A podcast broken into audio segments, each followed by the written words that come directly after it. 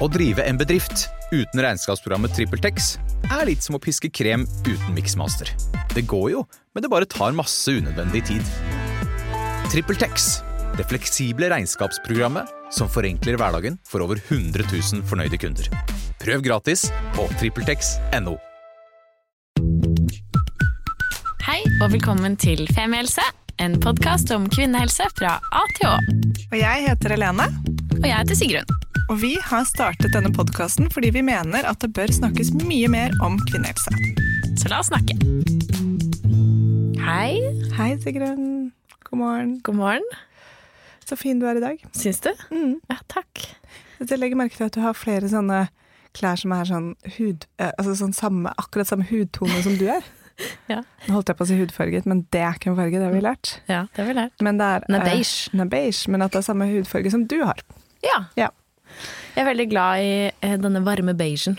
Ja, du er veldig fin. Ja, takk. Det er ikke alle som på en måte can pull it off. Men det er kanskje fordi at jeg egentlig har et eh, et varig ønske om å være naken. Ja, Ikke sant? At jeg Ja. prøver å kle meg mostly nude. ja. Ja. Mm. Hva lærte du av meg i morges, Helene? Når vi møttes? Jeg lærte om vaginalprolaps hos sau. Ja. Så um, det tok jeg med meg inn i dagen min. Det er ganske heftig å bli møtt. Vi møtte hverandre før klokken ni, og det første jeg gjør er å trykke inn telefonen opp i trynet ditt og si hei, vil du se vaginalprolaps og saus som føder? Mm, ja takk, sa jeg. Det vil jeg veldig gjerne.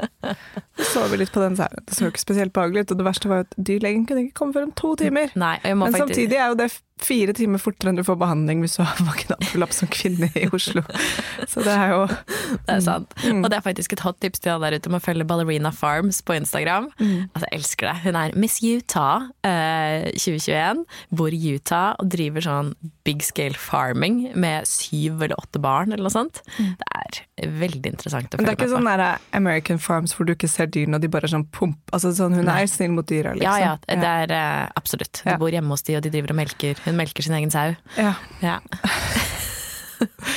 Den får vaginalprolaps da, altså. Nei. Men så sa Sigrun sånn Og så selger hun croissanter. Nei, unnskyld, hun selger croissantdeig. Jeg var ok, takk for at du Nå ble jeg veldig sånn Hvis jeg hadde nå gått rundt og trodd at hun solgte croissanter, og så viste jeg at det var croissantdeig, da hadde jeg skåret av denne kontoen umiddelbart. ja. Men dere Ballerina som Farms. Ballerina Farms. Ok. Ja, anbefales. Og dere som har trykt inn på denne episoden, vet jo hva det skal handle om i dag. Mm. Og da må jeg komme med en viktig disclaimer her, for de har jo funnet ut av noe. Ja. Og det er at Jon har begynt å høre på podkasten. Nei, Så jeg kommer til å være ytterst lite ærlig i denne episoden. er det sant? Ja. Jeg tror Joakim faktisk har tatt en liten pause. Ah, bra. Ok, da kan du bare kjøre på. har han begynt å høre? Ja. Ja. Hardt, hardt, Janne. Å, Hei, Janne, vi elsker deg. Ikke hør på noen av de andre episodene. Så fint. Vet du, eller vet du hva jeg faktisk tror? Nei. At han har ikke hørt på episodene, men at noen andre, sånn venninner, har hørt og sagt sånn Og så gitt han recap, som du vet at Jonny Jonny, du blir snakket om, og sier han sånn Hva da, gi meg recapen? Og så har han fått akkurat det du har sagt. Ja. Men det jeg også tror, er at han egentlig bare hører på det når han skal legge seg. For å Eh, sove. Ja, sånn Ja. at veldig ofte det han referterer til, skjer i løpet av de første syv og et halvt minuttene. Okay. Høyst 18 minutter, så jeg tenker siste halvdel her Stay tuned, Ja. people. It's Ja. a cliffhanger. Ja, så når du, når du tror episoden er over, og så er det stille i 30 sekunder, Ja. da har vi gått på igjen. Og så sier jeg sånn Da er det time. Soro Da skal han få kjørt seg. Nei da, det er ikke så mye å kjøre på han. Han er en fin fyr. Ja, ja. Ja, han er det. Ok, apropos Ja. tredje skifte. Apropos tredje skiftet. Ja, vi gleder oss veldig til å spille denne episoden. Fordi tredje skifte er i hvert fall noe for meg som har jeg har skjønt mer og mer av de siste årene, og det har jo kanskje Jeg tror ikke dette er noe mødrene våre f.eks. snakket mye om. Jeg tror dette er Men det får vi jo kanskje svare litt på nå. Men dette er jo ikke ny vitenskap, men det er jo at vi snakker om det. Er vel ikke sånn 50 år gammelt, på en måte. Det er jo noe som har kommet med at eh, vi er mer likestilte, og ja, at det rett og slett har kommet inn et tredje skifte. Så vi har eh, Da det plutselig dukket opp eh, noen eh, kvinner på Instagram som drev en konto som heter Det tredje skiftet, og som har en nettside som heter Det tredje skiftet, så tenkte vi sånn her, her har vi noen eksperter, noen som har fordypet seg i temaet. Dette blir bra. Så velkommen til oss, Merete. Hei. Takk. Så fint, kan ikke du presentere deg selv? Hva, hvem er du, og hva gjør du? Ja, jeg heter Merete Grimland. Eh, bakgrunnen min er at jeg er medieviter, men har drevet bedrift da i mange år. Sammen med da Camilla Tryti, som er barnevernspedagog. Eh, og så har vi jo alle vært utsatt for en pandemi, og fikk da begge to barn i starten av den pandemien. Rett før, eller altså jeg fikk rett før det stengte ned, hun fikk mens det var stengt ned. Og da kjente vi jo alle på det, liksom arbeidsmengden hjemme. At det var heftige saker. Eh, og da tok det ikke så lang tid da, før etter at det åpna opp igjen, at vi begynte å skulle tilbake i jobb, at vi begynte å tenke ok, hvorfor bruker vi ikke det vi gjør på jobben, bare hjemme også? Så er det mer oversiktlig, og så har vi mer um, tydelig kommunikasjon på mm. hvem som skal gjøre hva, og hva som er bra nok. Mm. Så det er litt sånn the gist. Hvordan Camilla og jeg starta med det her. Ja. Og det som er veldig kult, jeg anbefaler alle å følge Instagram-kontoen. Der deler du ganske sånn du deler noen opplevelser fra ditt liv, som på en måte har vært som problemer dere har hatt, og løsningen på noen av de problemene for dere, mm. og hvordan ting har blitt bedre. Og hvis jeg kan få gjenfortelle, syns jeg det var veldig fin den ene historien hvor du snakket om at du hadde følt deg ganske ensom en periode, men at dere hadde på en måte bestemt dere da for å lytte til hverandre uavbrutt. Et kvarter hver kveld. Var det mm. noe sånt nå? Ja, stemmer. Ja. Det var veldig sånn fin, eh, veldig sånn fin så enkelt. Og det er det jeg føler at det egentlig er, at det er ganske mange sånne enkle triks der ute. Mm. Mm. Ja, det er det. Og akkurat den der fikk vi jo fra familievernkontoret. Mm. For vi var på et veldig dårlig sted etter at vi hadde fått det første barnet vårt. Og var veldig sånn Er det riktig av oss å få et barn til? Uh, vi må gjøre noe. Vi må finne ut av det her. Og så fikk vi det tipset da fra uh, parterapeuten på familievernkontoret at dere må sette av tid til hverandre på kvelden til å bare lytte, og så er ikke liksom oppgaven din Tom Erik, å løse det Merete snakker om, du skal bare høre på det hun har å si, så ikke hun føler seg liksom så ensom, men føler seg sett og hørt, og så skal du gjøre det samme tilbake. Så skal du bare lytte, Merete, og du skal ikke begynne å liksom svare på det han sier, for det er jo også veldig lett å gjøre. Og så liksom bare være ferdig etter det. Det var det som snudde skuta. Det er så utrolig. Mm, det er ja. så fint at det kan være så enkle ting. Mm. Men, men, det var egentlig bare et eksempel fra noen av de triksene og tipsene dere deler på Instagrammen deres. Men kan vi ikke gå litt tilbake? Hva er det tredje skiftet for de av lytterne våre som aldri har hørt dette før? Dette uttrykket det tredje skiftet. Ja, det er eh, Først og fremst er det vel en forsker som heter Kristine Warhus Meby som har, vil jeg si, på en måte tatt det frem i Norge. Hun har skrevet en, en ph.d. om det her. Og da er definisjonen at det første skiftet er det arbeidet du får lønn for. Det andre skiftet er det eh, praktiske arbeidet i huset, det å gjøre ting. Det å liksom ta oppvasken, kjøre barn til trening, eh, hjelpe til med lekser, eh, lage middag. Og så har du det tredje skiftet, da, som er all koordineringen. Sørge for å planlegge. Sørge for at en oppgave blir gjort planlegge når det må gjøres, eh, undersøke hva som trengs, tenke fremover, legge planer, ikke sant. Eh, så planlegge hva trenger vi av mat denne uken for at vi skal ha et f.eks. godt kosthold, da. Eller, best, eller de eksemplene jeg liker best å bruke på det tredje skiftet, er jo eh, en sånn usynlig oppgave rundt barna. For det er på en måte rundt barn det er mest usynlig, da. Vi gjør veldig mye uten å tenke over at det er faktisk en stor jobb. Så for meg har det her med å være Det med å få eller liksom venner til barna har vært en skikkelig stor jobb. Fordi vi har flytta. Så da må jeg liksom ah, Er der ute i Hei, du, yes, vi bor i samme gate, ikke sant. Ja, du, skal, du, har en sønn som skal begynne på skolen nå til høsten. Ja, jeg også. Skal vi treffes? Ikke sant. Veldig sånn der masse organisering rundt da det at vi skal bli kjent med andre. Som jeg ikke ville ha gjort hvis jeg ikke hadde hatt barn. Så hadde det ikke vært sånn. Um, så det er sånn kjempestor usynlig, eh, et kjempestort usynlig ansvarsområde, da, som jeg kaller det. For jeg har ansvaret for det fra A til Å. Det er veldig sjelden jeg ber om liksom, noe hjelp på det, da. Eh, men hvis jeg da sier til Tom Erik, kan du ta kontakt med de, og spørre de om vi kan finne på noe sammen på lørdag, klokka tolv, hjemme hos oss, og vi byr på vafler. Da har jeg egentlig bare gjort det tredje skiftet har liksom planlagt, organisert alt sammen, sagt, altså, sagt, hva som skal gjøres, og så har jeg delegert det til han, så han bare gjør oppgaven. Mm. Og i den oppgaven så ligger det jo også mye bekymring. Eller mm. sånn, det ligger jo et emosjonelt en emosjonelt tyngre oppgave som er det å bli bekymret for om barnet liksom mm. uh, kommer til å finne seg til rette syns det er greit å ha flyttet, kommer til å få venner, syns det er greit å begynne på ny skole etter hvert. Alle de tingene, da. Som er så utrolig mye større enn det å huske å kjøpe inn vaffelrøre. Og fikse det, og sørge for at det blir ganske god stemning på den gruppa. Det er liksom Eller på den, den, det møtet, da. Og det er det, det er det, det tredje skiftet som jeg syns du forklarte så innmari fint her nå, er det det mye av det handler om. Den derre bekymringen. Jeg syns du sa det også godt innledningsvis også med det derre når man skal planlegge middager for et godt kosthold. For det er stor forskjell på å planlegge Oda-bestillingen på søndag ettermiddag, liksom, for å få den levert dagen etterpå med fem middager, og fem middager med godt kosthold. Uh, Ut ifra hva man personlig tror at det er, da, eller mener at det er. Så det er sånn der, Det er så mange nivåer til det som er Ok, vi kan godt kjøpe inn liksom x antall liksom, posesupper og alt sånn, og alle blir mette og happy, men så er det kanskje noen som da tenker at men det er ikke et godt kosthold for barna våre akkurat nå.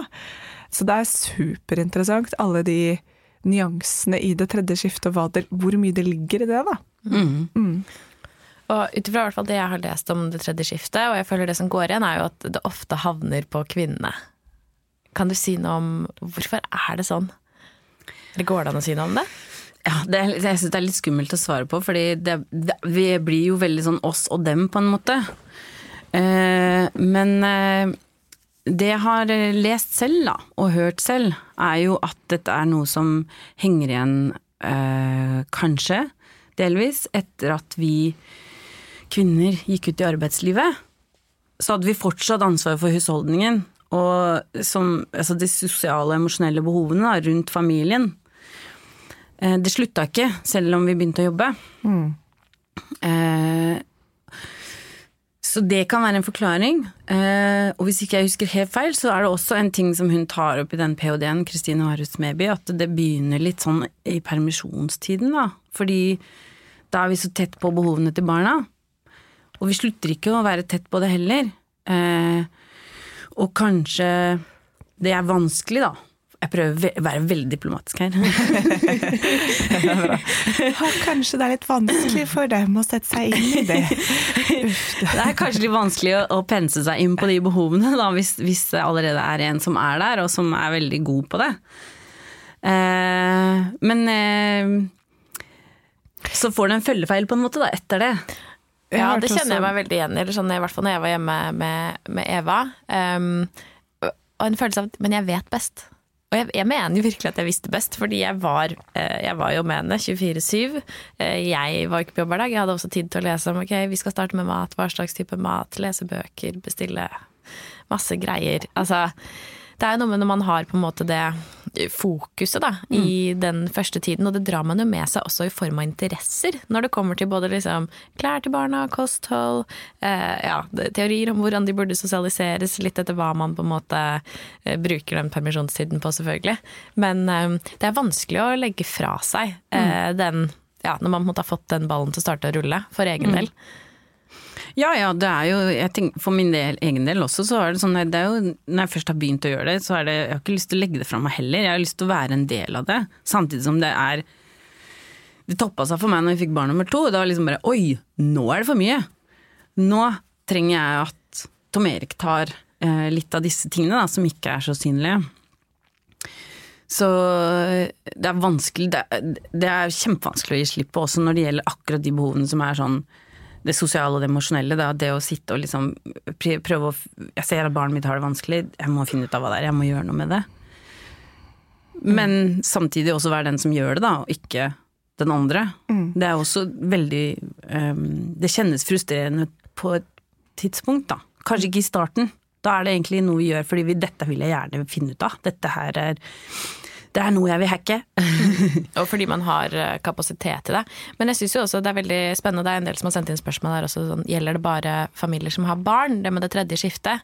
Um, og det er jo lett å begynne å komme på den samtalen, men det er jo også alt av eh, bursdagsgaver til familie, eh, ja, å holde venneflokken samlet, veldig mange eh, sånne type ting som jeg tror man kan kjenne på uavhengig av om man har barn eller ikke, at eh, en av partene drar veldig mye av det lasset uten at man kanskje ikke har så lyst til det, i hvert fall når man blir litt klar over det, eller kjenner at det er litt mye på den ene eller andre måten. Har dere da noe litt sånn praktiske tips til hva er det man kan gjøre hvis man har lyst til å prøve å slippe litt opp på kontrollen og dele likere med, med partneren sin?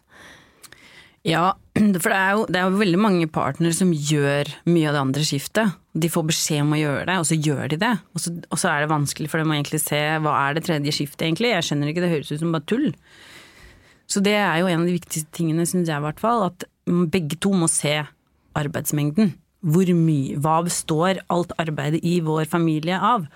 Så det vi har laget er en liste på 140 ansvarsområder som du kan finne i et hjem, da, som vi har kategorisert, og da er det jo flest rundt barn. Men vi har også husholdning inne, husholdning ute, eh, foreldre eller par, familie. Og så er det eh, store forandringer, sånne, altså kriser, da, eller veldig store forandringer som skjer i livet. Og så er det tilleggsprosjekter som er sånn som gjentar seg, eller er engangsprosjekter. Eh, og da er det tankegangen er sånn, har, da har du et ansvarsområde, så er det et prosjekt, og du har ansvaret fra A til Å. Og da må du eh, be om hjelp. Vi, vi, skal ikke forvente at den andre bare gjør det. Må, um, da må vi be om det. Kjempe, kjemperigid. For min del starta det kjempe, Vi var kjemperigide. Tom Erik var litt sånn Kan ikke du bare ta, ta med deg søppel fra bilen, for eksempel? Fordi bilen er et eget ansvarsområde. Da har du ansvar fra A til Å. Og hvis du vil at den skal bli lada, så må du si det, eller så må du ha det som en standard. At den skal lades hver kveld. ikke sant? Det er ikke sånn, Du skal ikke bare tenke det sjøl. Det har dere beskrevet sammen. Um, jeg kan ikke bare ta med deg søppel når du går fra bilen. Nei, jeg kan ikke det.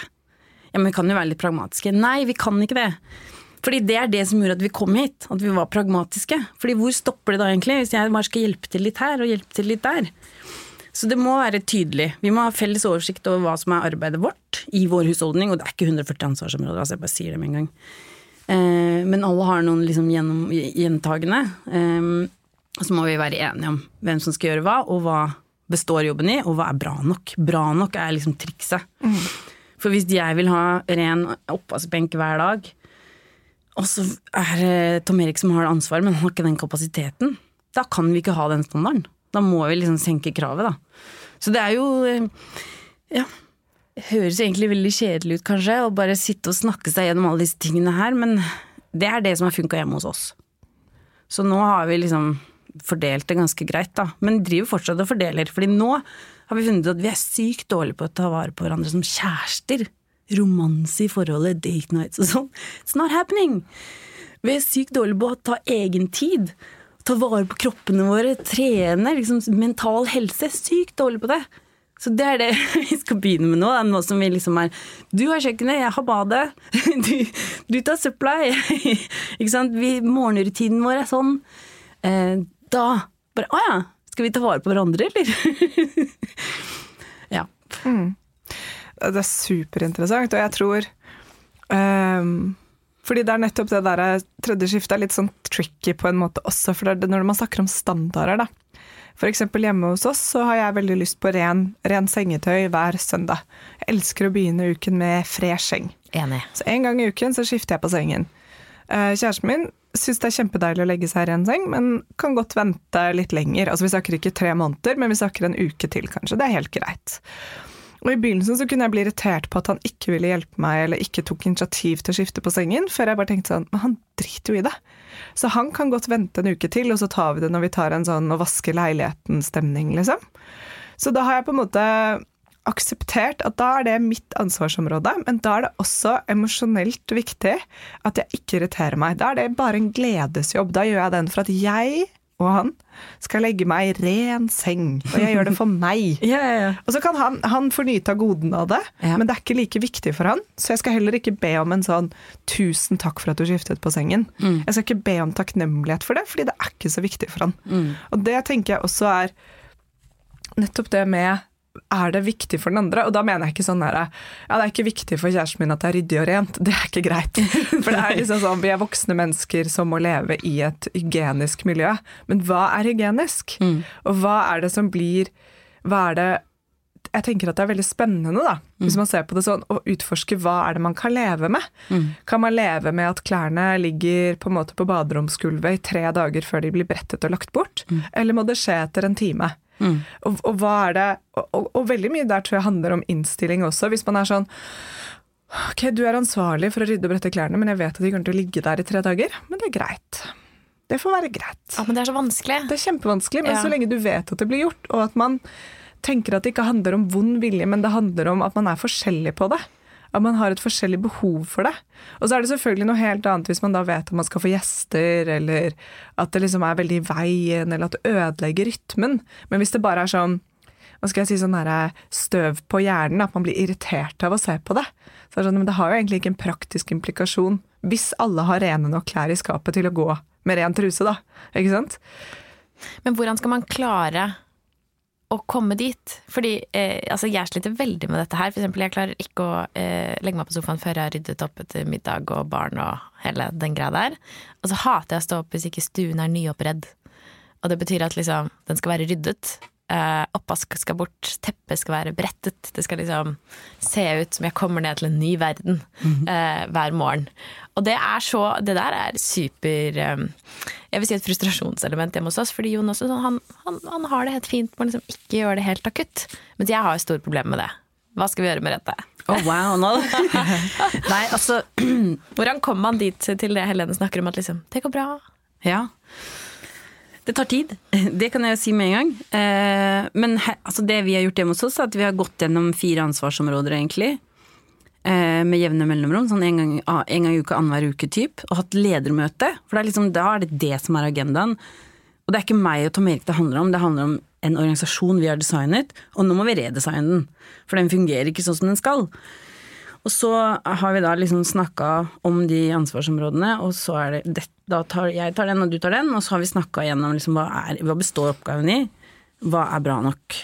Eh, og da, det som er litt spennende da, er jo at vi begynner å se det som vi tenker er bra nok, fungerer ikke i praksis, så vi må justere det. Vi må senke kravene, eller heve kravene. Det også går an. Eh, men eh, vi har jo brukt eh, over seks måneder på det her. Så det er liksom det er jo, Vi skal jo forandre oss som mennesker, på en måte. Vi skal, eller endre atferd, da. Så Men det tar jo går tid. dere for eksempel da gjennom sånn ok, det må ryddes opp etter middag, eh, det må, stuen må res, sånne type ting. Og så er det sånn ok, eh, hvem av oss skal gjøre det? Mm. Eh, når skal det gjøres? Mm. hvor bra skal det gjøres? Men hvis den ene da personen sier hele tiden sånn, det er så viktig for meg, jeg bare gjør det. Det er mye raskere at jeg bare gjør det. Mm. Blir det ikke også da fort skjevt? Hvis det skjer, så er det jo egentlig ikke tydelig fordelt av hvem som har ansvaret. Fordi det er jo Hvis du er enig i at du vil gi slipp på det til han, Ja. så må du gi slipp på det. Og så er det lov å si i den overgangsperioden at det er litt vanskelig for meg å gi slipp på det. Så hvis jeg maser litt om det her, så bare please forgive me. Jeg prøver ikke å være kjip, jeg vil at du skal ha det ansvaret. Men det er en overgangsperiode hvor vi må liksom bli vant til den nye organisasjonen. da. Men jeg tenker jo sånn at det handler om Eller sånn øh, hjemme hos oss, da, uten barn, som, som også har dette tredje skiftet på en eller annen måte, så har vi forskjellige syn på hva rot er. Sant? Kjæresten min syns det er veldig slitsomt å ha ting stående ute på kjøkkenbenken, mens jeg mener sånn, ja, men krydder og oljer og te og sånn som vi bruker mange ganger om dagen, det, det må stå pent organisert. Det er koselig også. Det er koselig. Koselig. Han liker ikke det. Ikke sant? Mens han rer f.eks. aldri stuen, som jeg elsker at blir gjort. Men da tenker jeg sånn Nå har ikke vi barn, så det er ikke det ekstra presset, men samtidig så har vi masse sånne småting hele tiden som vi ser forskjellig på. Um, da det, Altså, så lenge jeg vet at han på en måte forstår at det er viktig for meg, og han gjør det av og til, så kan jeg leve litt med det. Og så må jeg prøve å rydde litt unna sånn Ok, det der hvitløks... eh, Tørka hvitløken bruker jeg ikke hver dag. Den kan jeg sette inn i skapet. At vi møtes liksom litt sånn på middelveien. Men jeg tror Altså, det som er spennende med dette, er, er liksom å møtes et eller annet sted som føles hyggelig. Fordi at jeg tror veldig mange eh, menn også kan eller eh, partnere, for den saks skyld, altså uansett hva hva- kjønn, da, kan lide under av Og jeg mener ikke at det å re stuen er psyko, men man kan lide under at om du har ikke puffet putene riktig, eller satt liksom bøkene på den måten, eller at det blir veldig sånn derre uh, At man har et bilde av hvordan perfekt Eller hvordan det skal se ut for at man finner ro. Ikke sant? Så den er vanskelig, da. Og den kanskje bare alltid vil være vanskelig. For det er en Én ting er å fordele sånn Søpla må tas ut, oppvaskmaskinen må tømmes, klærne må vaskes, maten må handles inn. Det er ting som på en måte må skje i en vanlig husholdning for at det skal drive framover. Men så er det de der cherry on the top, da. og da Jeg vet ikke helt. Det liksom blir litt sånn at man kanskje har At så lenge det er kommunisert hvorfor det er viktig, og at det er viktig, og at, part, at partner har hørt og sagt sånn Ok, jeg hører hva du sier, jeg skjønner at det er deilig for deg. Du står opp først. Du har en heftig dag, du er den som lager matpakken. Jeg skjønner at du syns det er deilig å komme ned til at eh, Jeg tror det er Live Nelvik som sier at hun har vendt stua eller noe sånt. At hun Ja. har liksom nullstilt, Ja, nullstilt hele huset. nullstilt hele huset. Ja. Jeg skjønner at det er deilig, for det gjør at du får en klar, et klart hode. Jeg har lyst til å hjelpe til å bidra, men det er jo ikke så viktig for meg, så kanskje jeg ikke ser det helt. Eller glemmer det litt, da. Så den, den er jo veldig kompleks. Jeg hørte også på, bare for å nevne det, da, som er en interessant ting, og ikke en unnskyldning, men så det er veldig spennende med Katrin Sagen og Steinar Sagen i podkasten deres snakket om hvor Katrin nevnte dette med biologiske forskjeller, og at menn, som hun sa er Hun mente dette, da. Er litt beskyttet av testosteron. Fordi det å ha Vi kan jo også ha mye testosteron i løpet av en syklus hvis man har det, da. Men testosteron kan gjøre at du eh, bekymrer deg litt mindre. Og at du eksempel, som hun brukte som et eksempel, at du ikke ligger våken om kvelden og grubler på nettopp dette 'kommer barnet mitt til å få venner på skolen'? Mens vi kvinner som har kanskje båret fram barnet, ammet det, og har en estrogene og tilknytningen, kan kjenne det på en annen måte. Rent biologisk, da. Og det er ikke noe unnskyldning, men det er bare en sånn derre Det er ganske interessant, da. Så vi jobber jo med Vi jobber med heftige ting her. Det er jo en grunn til at jeg tipper at alle som hører på denne episoden, kjenner seg igjen på en eller annen måte. I at det er et tredje skifte som veldig ofte faller naturlig for den ene parten å ta, fordi man har den, og veldig ofte kvinnen, da, i forholdet. Jeg tenker at det, handler om å se behov, og bli vant til det. Eh, og det kan vi gjøre på jobben. Mm. Begge to i forholdet kan det, se behov og ta ansvar. Eh, jeg ser det på mannen min nå, han sitter og grubler og bekymrer seg han også for de tingene han har ansvaret for. Ikke sant? Han Økonomi, eh, vedlikehold av huset, ikke sant. Vi har veldig sånn tydelig fordeling, men veldig klassisk fordeling. det er nesten litt flaut. Eh, for han har liksom økonomien, da. Han har hagen, han har huset, vedlikehold av huset, han har vedlikehold av alle typer dyppeditter, strømmen, internett. Veldig sånn, det tar du, og så har jeg liksom mye mer rundt barna, husholdning inne. Der har vi ganske greit fordelt, egentlig. Men så har vi liksom, ok, vi må familieting. Det å ha familietradisjoner, eksempel. Vi er sykt dårlige på det òg. Ikke sant? Eh, det å ta vare på hverandre, som jeg sa i stad, og oss selv, kjempedårlig på. Men han ser jo behov, han også. Han har jo helt klart den evnen. Og han gjør det på jobben. Så jeg, altså, jeg, jeg kan ingenting om biologien men jeg, eh, og det du snakker om der, men jeg tenker at det er, det er en litt skummel hvilepute, syns jeg. Jeg er enig i det, og jeg mener ikke at det er en unnskyldning heller. Men jeg tror det, det Katrine refererte til, var egentlig mest i forhold til det ansvars... Altså for barn. Um, og som hun sa, at hun, bare sånn, det er ikke en enorm effekt, men hun sa det at man har testosteron gjør at man kan være litt beskyttet. Ja. At du liksom blir litt sånn ja, Nettopp som du har på deg en liten sånn ah, Ok, men nå, nå skrur jeg av klokka, nå skal jeg sove litt, liksom. Ja. Men uh, jeg har ikke lest forskningen på det. Jeg syns bare det var interessant. Og, Ja. uh, men det er veldig godt poeng det du sier med at hvis man kan bekymre seg og ta ansvar på jobb, så kan man også gjøre det på hjemmebane. Så det er nettopp det. Ja, for det jeg tenker deg, Len, når du sier dette, jeg har også hørt dette med at menn er litt beskyttet av testosteron, at uh, da handler det kanskje nettopp om å gjøre de klar over tingenes tilstand. Ikke sant? Eh, og, bare, og, og at det da kanskje blir en sånn Å ja, shit, det har jeg ikke tenkt på. Eh, og at forhåpentligvis er det eh, den reaksjonen man får når man sier sånn Hei, det er på en måte dette som skjer i livet vårt, eh, kunne vi fordelt litt bedre? At det bare er noe De har ikke tenkt på det. Som jeg tror også Og selvfølgelig tenker man ikke på ting som ordner seg. Altså Nei. Hvis alt bare flyter, og alle bursdagsgaver er ordnet, og noen andre vet hvilken skostørrelse barna har, og når det er gul frokost i barnehagen, så da trenger man ikke å tenke på de tingene. Og jeg må jo si, jeg har jo um, venninner som hvor det er motsatt, faktisk, og hvor mannen tar mesteparten av eh, i hvert fall mye av disse tingene her, da, og bekymringsloaden. Og det er noe med at liksom, når noen andre tar det, så da er det på en måte fikset, da. Men jeg ble, må si jeg blir veldig inspirert av deg, Merete North, og egentlig bare liksom gjøre noe så enkelt som at Jon, at vi skal sette oss ned em, og bare se på sånn, ok, men hva, hva er det vi holder på med egentlig? Og nå har vi vært gjennom en litt sånn spesiell eh, situasjon med oppussing i veldig mange måneder, hvor vi har hatt da en veldig tydelig fordeling. Eh, hus og renovering, økonomi, hos han, og eh, barn og hjem, egentlig, det hjemmet vi har hatt, da, eh, hos meg. som har vært veldig tydelig, og liksom, det, er en, det er en stor load begge deler. Men nå som vi nå er, kommer tilbake til et mer normalt hverdagsliv, da er det kjempespennende å sette oss ned og sånn Ok, men hva, hva betyr hverdagen vår, da? For jeg tror du er inne på noe veldig viktig der med uh, For vi har ikke hatt den praten. Nei. Nei.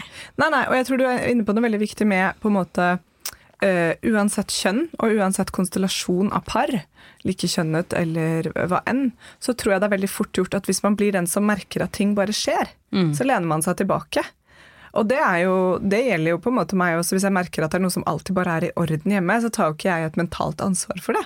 Det er jo det sånn Nei, men det, Det er ikke det bare fikser seg, det. Nei, det er jo litt sånn at uh, du legger egentlig først merke til jobben hvis den ikke blir gjort. Ikke sant? Hvis den blir gjort, gjort bra, da, eller godt. Og det gjelder egentlig alt det du nevnte der, sånn oppussing og alt det der. Hvis det blir gjort på en dårlig måte, det er da du legger merke til hva du egentlig har ansvaret for, da.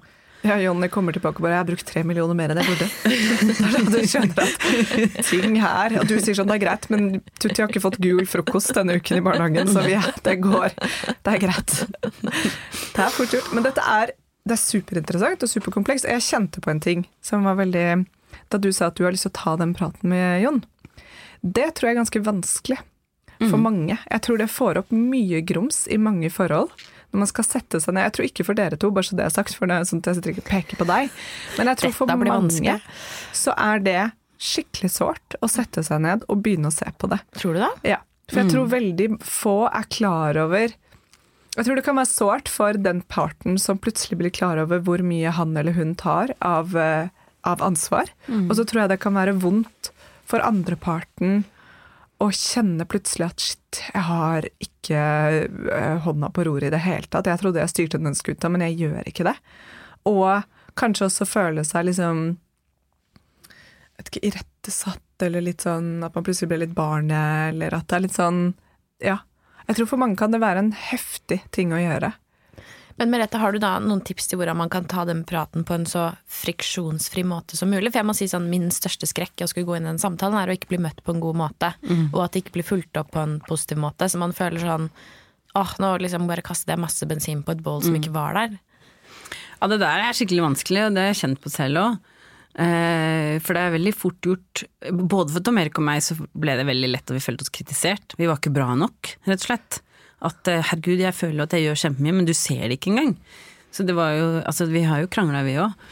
Men en ting som hjalp oss veldig, det var å mm, Vi satte oss ned og skreiv. Altså For det første så var vi forberedt på at vi skulle sette oss ned. Vi hadde liksom avtalt flere dager i forveien, og hva temaet var, og hva som ikke var tema, var også veldig viktig. Og hva vi skulle gjøre. Og det var å skrive ned hva er det jeg opplever at jeg har ansvaret for i denne familien. Og så leste vi det opp for hverandre, da, uten å avbryte hverandre. Ikke sant? Litt sånn i forlengelse av det vi snakka om i starten. Nå skal du bare høre, så skal jeg bare høre, og så skal jeg ikke si noen ting. Men hvis du har lyst til å si noe på slutten, og det er greit for meg, så kan du si noe. Og det var egentlig ganske deilig, for da så vi jo at vi Vi sitter jo med en opplevelse og har ansvaret for veldig mye. Eh, og, så er, og, så, og så skrev vi etterpå også da, eh, jeg tror det var en par ukers mellomrom, hva er det vi egentlig drømmer om for denne familien? Det var litt sånn strategisamling, da, ikke sant? sånn som på jobb. Vi, hvor vil vi hen? Hvorfor, det, hvorfor, eks, hvorfor eksisterer denne familien? Hva er det som er viktig at vi oppnår med denne familien? Og da kom vi jo veldig fort på om ting som vi hadde lyst til å gjøre mer av, da, ikke sant. Og, og vi kom liksom på samme spor veldig fort. Eh, og var innstilt på at ok, do, la oss gjøre noe med det her. Men eh, ja, det, det som jeg tror var viktig der, var jo at vi egentlig anerkjente hverandre begge to. Begge to hadde bekymringer, begge to hadde store ansvarsområder. Begge to var involvert, men på forskjellige ting, da. Og kjente på kanskje at jeg skulle ønske du var mer involvert i de tingene jeg hadde ansvaret for, da. Eh, og så hadde vi liksom innimellom der da noen ting som vi var Det her er ikke helt definert. Det her er ikke helt eh, hvem, hvem har ansvaret for det her, egentlig? Det er ikke rart du blir sur på meg hvis jeg, du tror at det er meg, og jeg tror det er deg. ikke sant? Men um, det hjalp oss veldig. Uh, men når vi snakker om liksom hvordan vi skal snakke med hverandre utover det, så er jo det også veldig sånn parterapiorientert, da. Uh, så jeg tenker at en av de viktigste tingene er jo felles klarhet, felles forståelse av arbeidet. Og jeg tror, for å være helt ærlig, at det tredje skiftet som begrep er for abstrakt. Det er veldig mange som sier til oss at partneren min syns det bare er tull, eh, det er propaganda, jeg er ikke enig, dette er ikke reelt. Men hvis du sammenligner det med arbeidsplassen, da, så er vi jo enige om at hvis du er prosjektleder for noe, så har du ansvaret for at det prosjektet går fremover. Koste hva det koste vil, på en måte. At du har liksom du må vite når deadlinen er, du må vite hvem, hva trenger du av ressurser, ikke sant? hvordan skal du planlegge det, hvordan skal du melde fra til de som er involvert, hvordan skal du delegere oppgaver. Vi er enige om det, det skjønner vi, men det er akkurat det samme hjemme. da. Det er prosjektlederrollen det handler om det, jeg elsker det uttrykket, det har vi snakket om mye hjemme hos oss også. Det er prosjektlederrolle. Mm. Prosjektlederrollen for at det skal være en hyggelig uke, at vi skal ha mat i kjøleskapet, at det skal være rent, at det skal være At vi gjør noe hyggelig sammen. Den prosjektlederrollen, den er superviktig at er godt fordelt, da. Så, så, det uttrykket liker jeg veldig godt. Det blir veldig tydelig, og da er det sånn som vi har brukt et eksempel, jeg husker ikke hvilken episode vi snakket om det, men hvis du er prosjektleder for fotballtrening, så er du ikke prosjektleder for å kjøre til fotballtrening. Du er prosjektleder for at fotballskoene passer. At klærne er vasket fra sist trening. At barnet har fått i seg, hvis de trenger det, litt mat i forkant. Kanskje ha med seg litt snacks til etterpå. Du er prosjektleder til å høre om det er noen andre som skal sitte på. Du er prosjektleder faktisk til å sjekke at kiden liker å være på fotballtrening, og at trives der. Du er prosjektleder for hele det konseptet, mm. ikke bare for å kjøre og hente. Og det er, den, for det er en kanskje sånn god inngang til en sånn samtale. Er sånn, ok, Hvis du er ansvarlig for hvis vi tar annenhver uke middagsansvarlig, hva ligger det i å være middagsansvarlig? Mm. Og det er ikke nødvendigvis at man skal lage maten hver dag, det kan godt fordeles, men da er det kanskje at man er ansvarlig for å handle inn sunn mat. Hva er sunn mat for oss? Hva betyr det i vår familie? Mm. Ikke sant? Og, og hvordan, hvordan, varierer vi på det? Og ok, du rekker ikke å lage på tirsdag, men da kan jeg lage den, men den er jo da i kjøleskapet.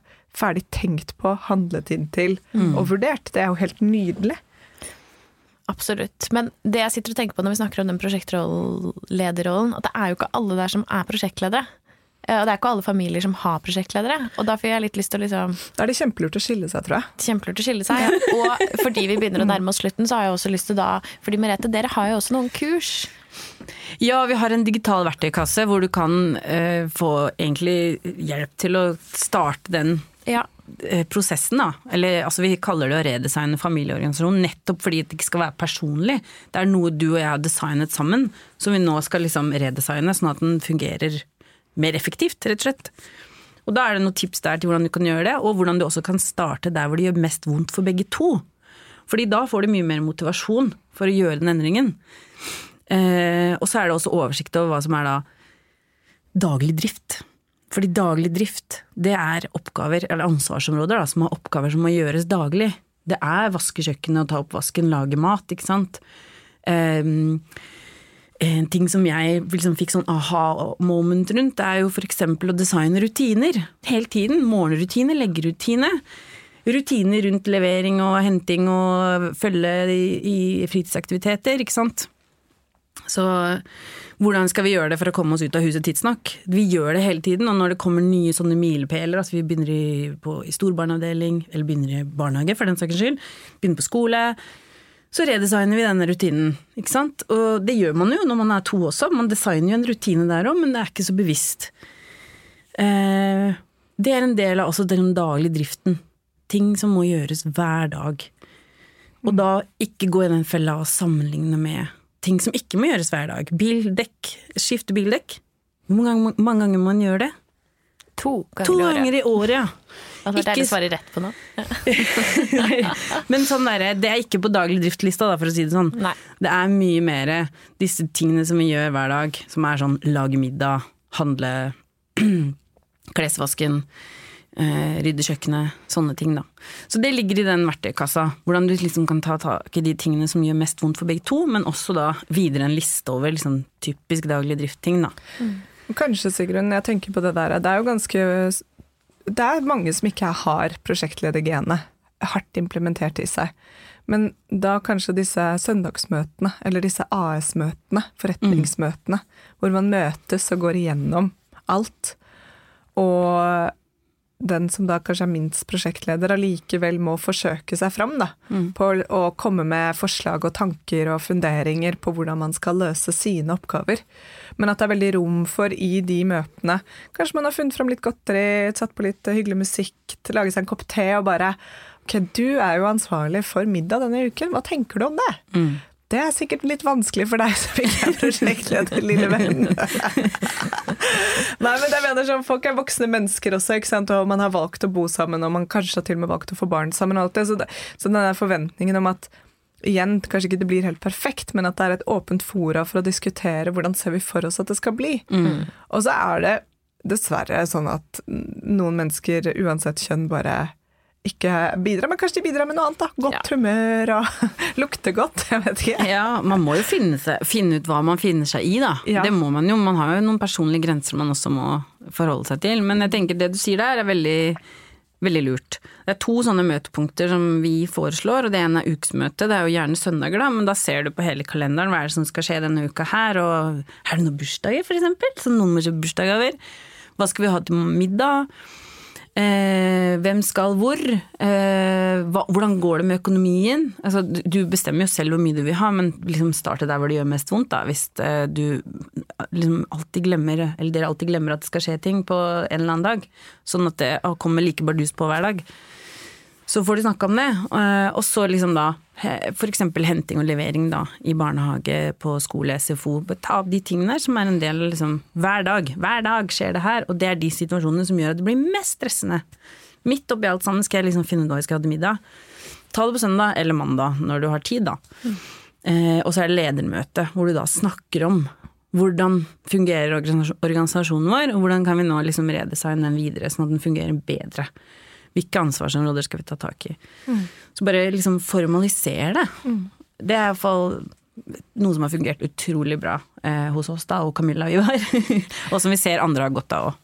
Og bare en sånn liten tanke som falt inn i hodet mitt. Oda Weide Krogh hun uh, lærte av sine foreldre at uh, man skal ha, liksom, klemme eller ligge inntil hverandre 20 minutter om dagen. 20 minutter? Mm. Wow. Så hennes foreldre og sånn, de lå alltid liksom Hvis de satt på sofaen, så satt de alltid veldig tett inntil hverandre. Dette er hennes historie, så kan godt hende jeg gjenforteller den litt feil. Men, så hun og kjæresten prøvde liksom å være mye tett på hverandre, fysisk kroppskontakt, i 20 minutter om dagen. Og da kunne liksom, det være litt kaos rundt, da.